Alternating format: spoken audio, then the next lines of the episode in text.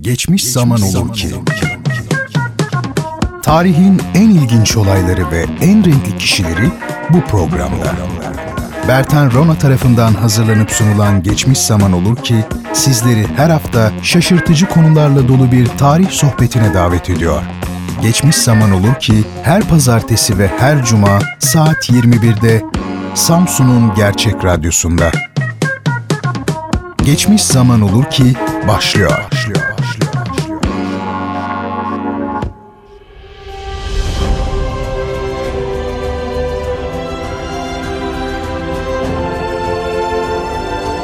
Geçmiş zaman olur ki'den herkese merhabalar. Tarih denen o kalın kitabın en ilginç, en önemli ve unutulmaz olaylarla, kişilerle ve olgularla dolu sayfalarını beraber çevirdiğimiz Geçmiş Zaman Olur Ki programına hoş geldiniz. Programı sizler için hazırlayıp sunan Bertan Rona'yı dinliyorsunuz. Her hafta pazartesi ve cuma akşamları saat 21'de Radyo Gerçek'te sizlerle buluşuyorum. Ve söylediğim gibi dikkat çekici konuları sizlerle paylaşmaya çalışıyorum. Sevgili dinleyicilerim bu akşam sizlere 20. yüzyılın hiç tartışmasız en utanç verici, en korkunç ve anlamsız olaylarından birini anlatmaya çalışacağım. Bu olay Ruanda soykırımı olarak bilinen ve sadece 100 günlük bir zaman dilimi içinde yaklaşık olarak 800 bin insanın hunharca katledildiği hem de etnik aidiyeti dolayısıyla daha doğrusu kabile mensubiyetinden ötürü katledildiği akıl almayacak derecede sıra dışı olan katliam. Günde ortalama 8 bin kişinin öldürüldüğü bu soykırım kapsadığı zaman dilimi ve katliama kurban giden insan sayısı bakımından düşünüldüğünde Nazi soykırımını bile fersah fersah geride bırakacak bir tablo sergilemekte. Soykırımın nedenleri, gelişimi ve sonuçları üzerinde elbette ayrıntılı olarak duracağız ama benim burada özellikle dikkat çekmek istediğim bir husus var. O da soykırımın devam ettiği süre içinde, tırnak içinde söylüyorum, medeni dünyanın ve sözüm ona gelişmiş ülkelerin meseleye karşı tavırları, yaklaşımları.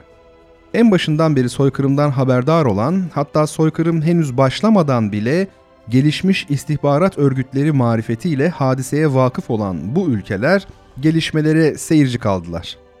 Oysa istenseydi yüz binlerce insanın hayatı rahatlıkla kurtarılabilirdi. Hiç şüphesiz ki bu batılı ülkelerin buna güçleri fazlasıyla yeterdi. Ama belirttiğim gibi onlar bu durumu önemsemediler ve programımızın sonlarında da değineceğimiz gibi bunu açık açık dile getirmekten de çekinmediler.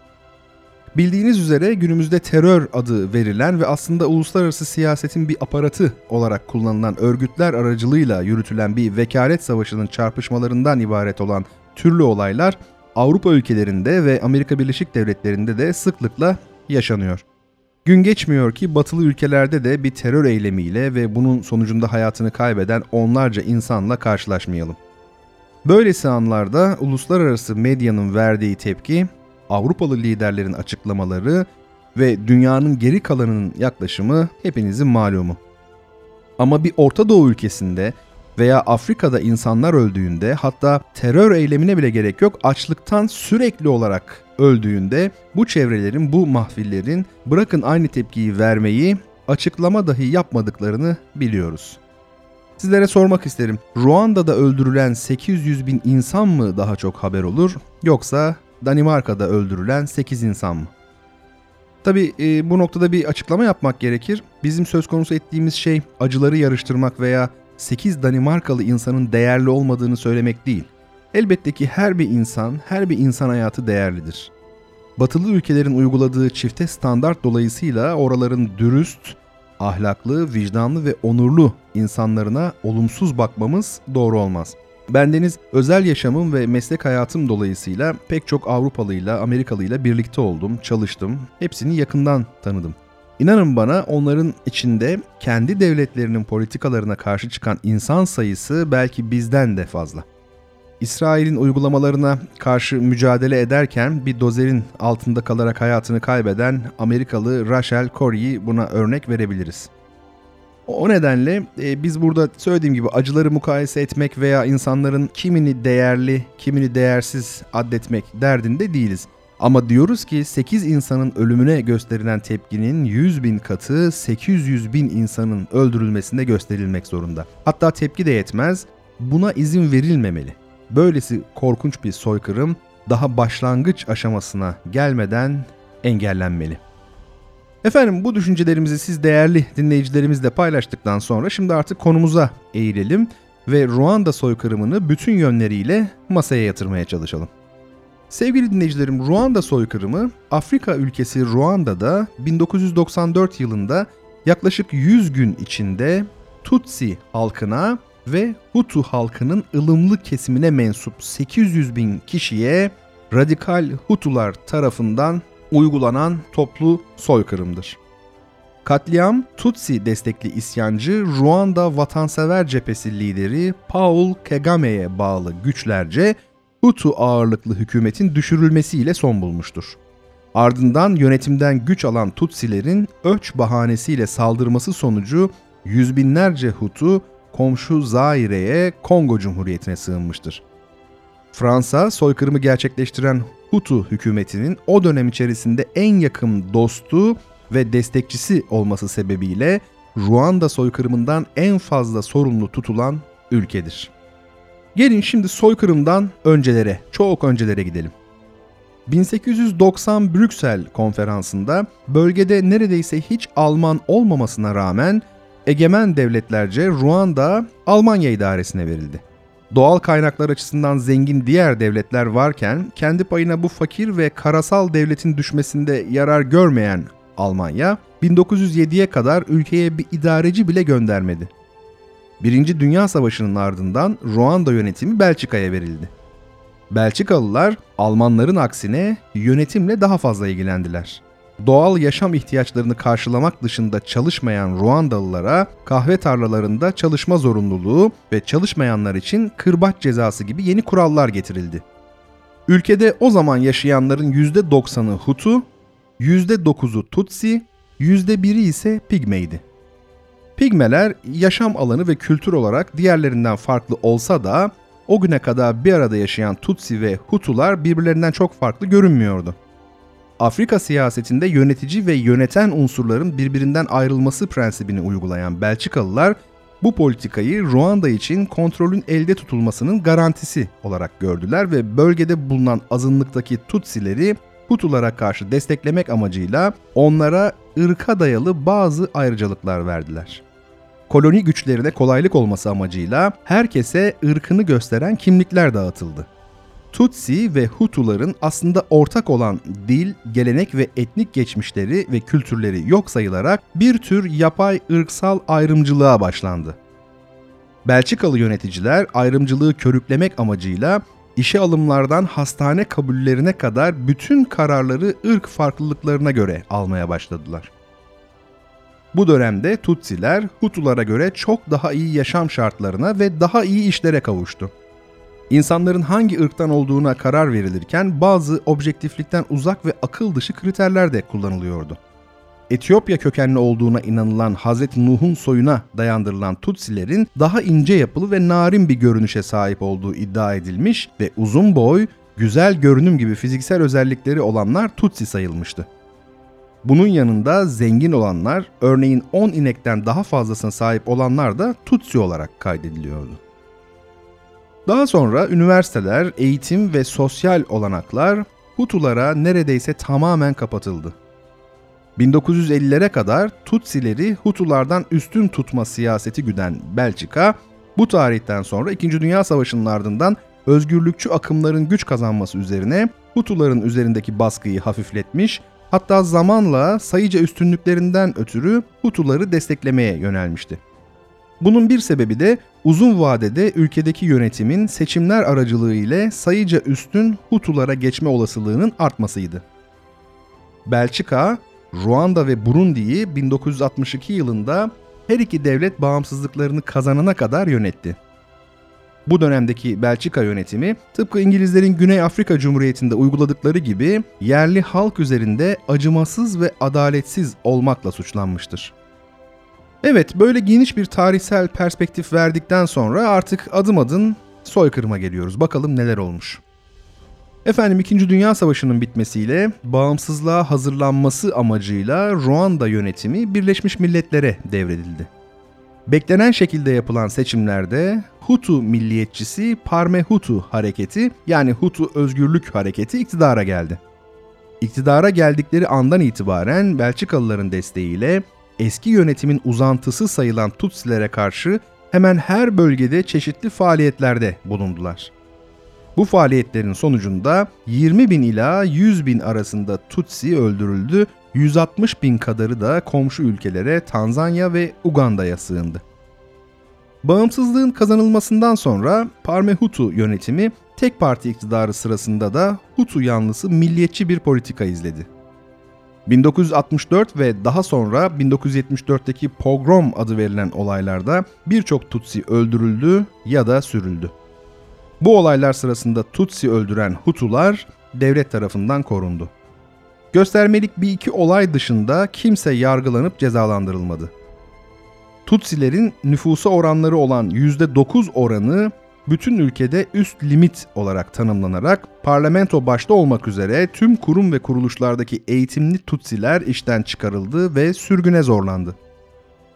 1973'te Hutu Juvenal Habyarimana bir darbeyle iktidarı ele geçirip Parme Hutu hareketine son verdi.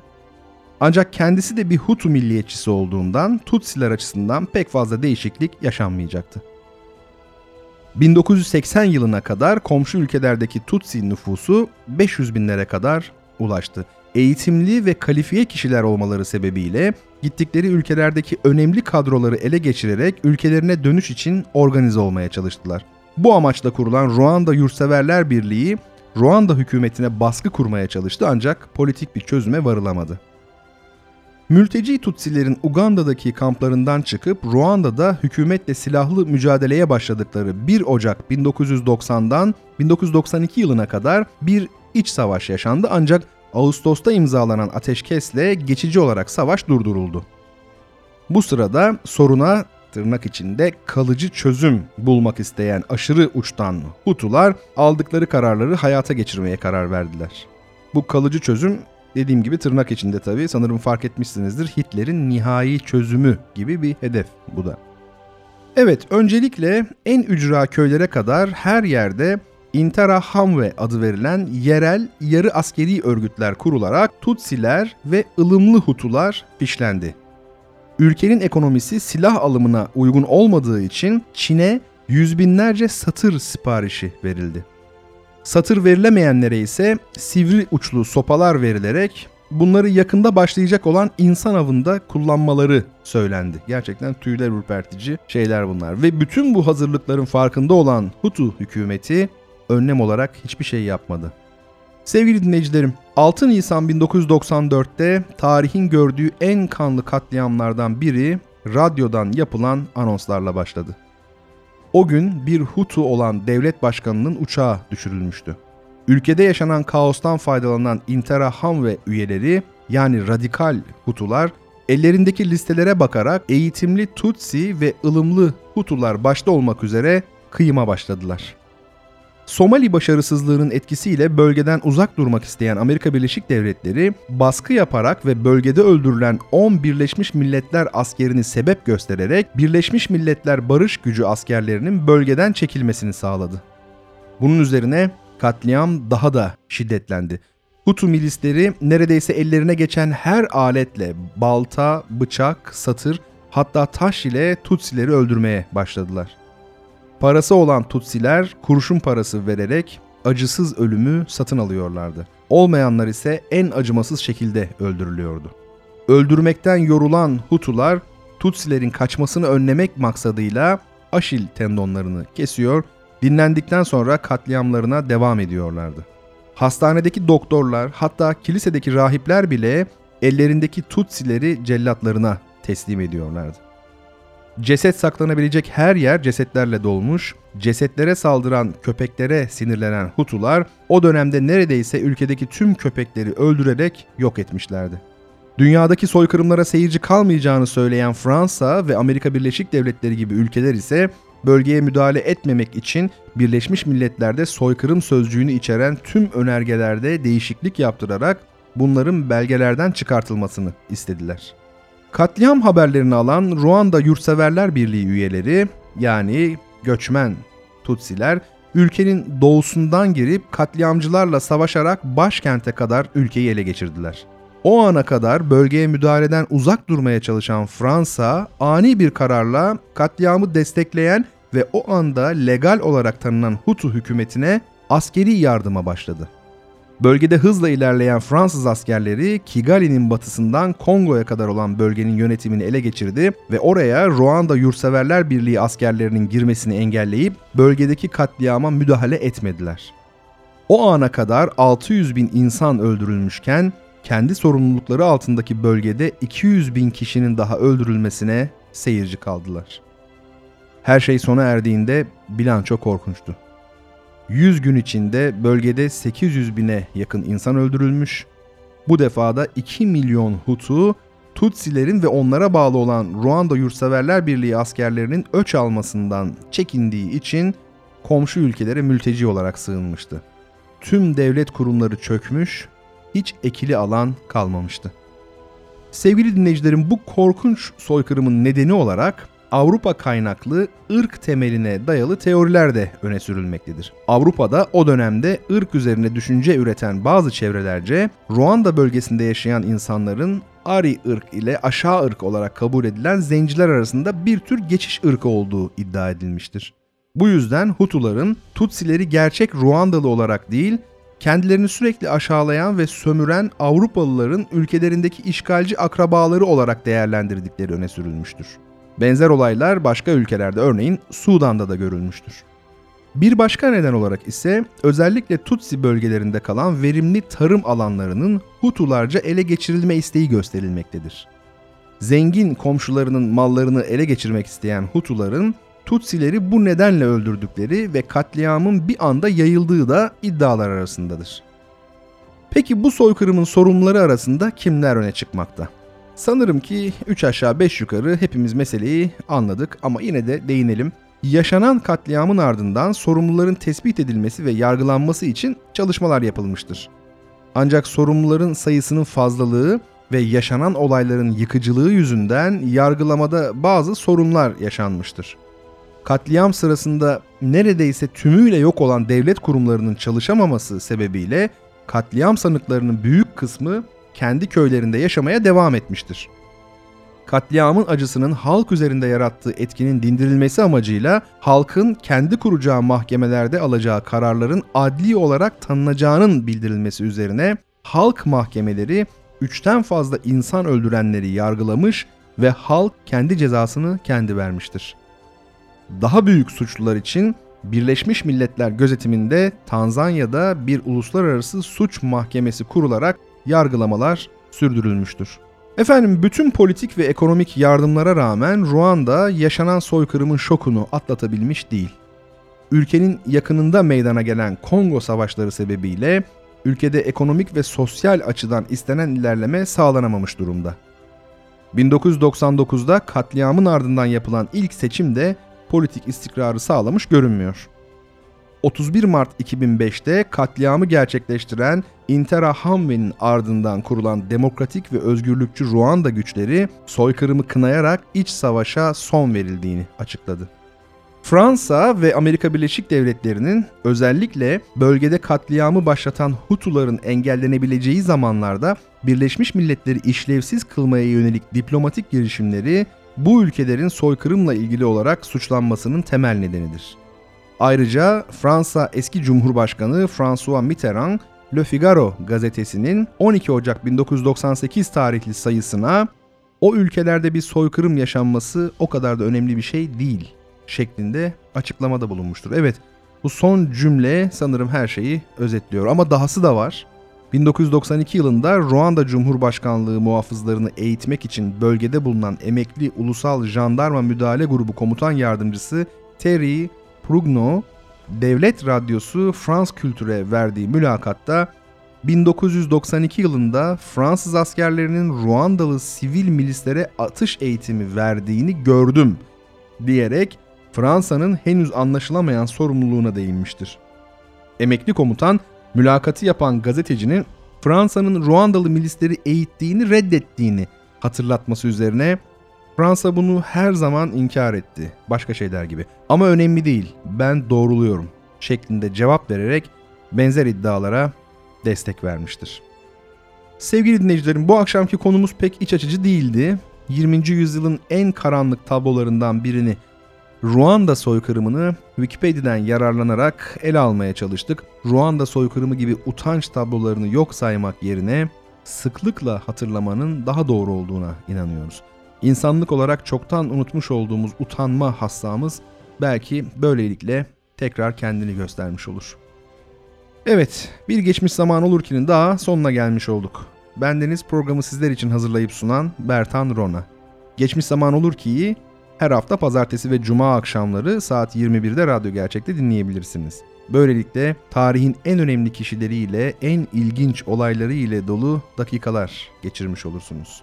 Bir sonraki bölümde tekrar bir arada olabilmek dileği ve en içten duygularla.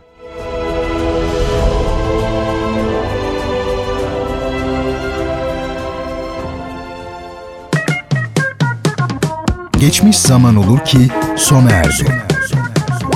Bu program hakkındaki düşüncelerinizi dinleyen et radyogercek.com adresine mail atarak bize ulaştırabilirsiniz.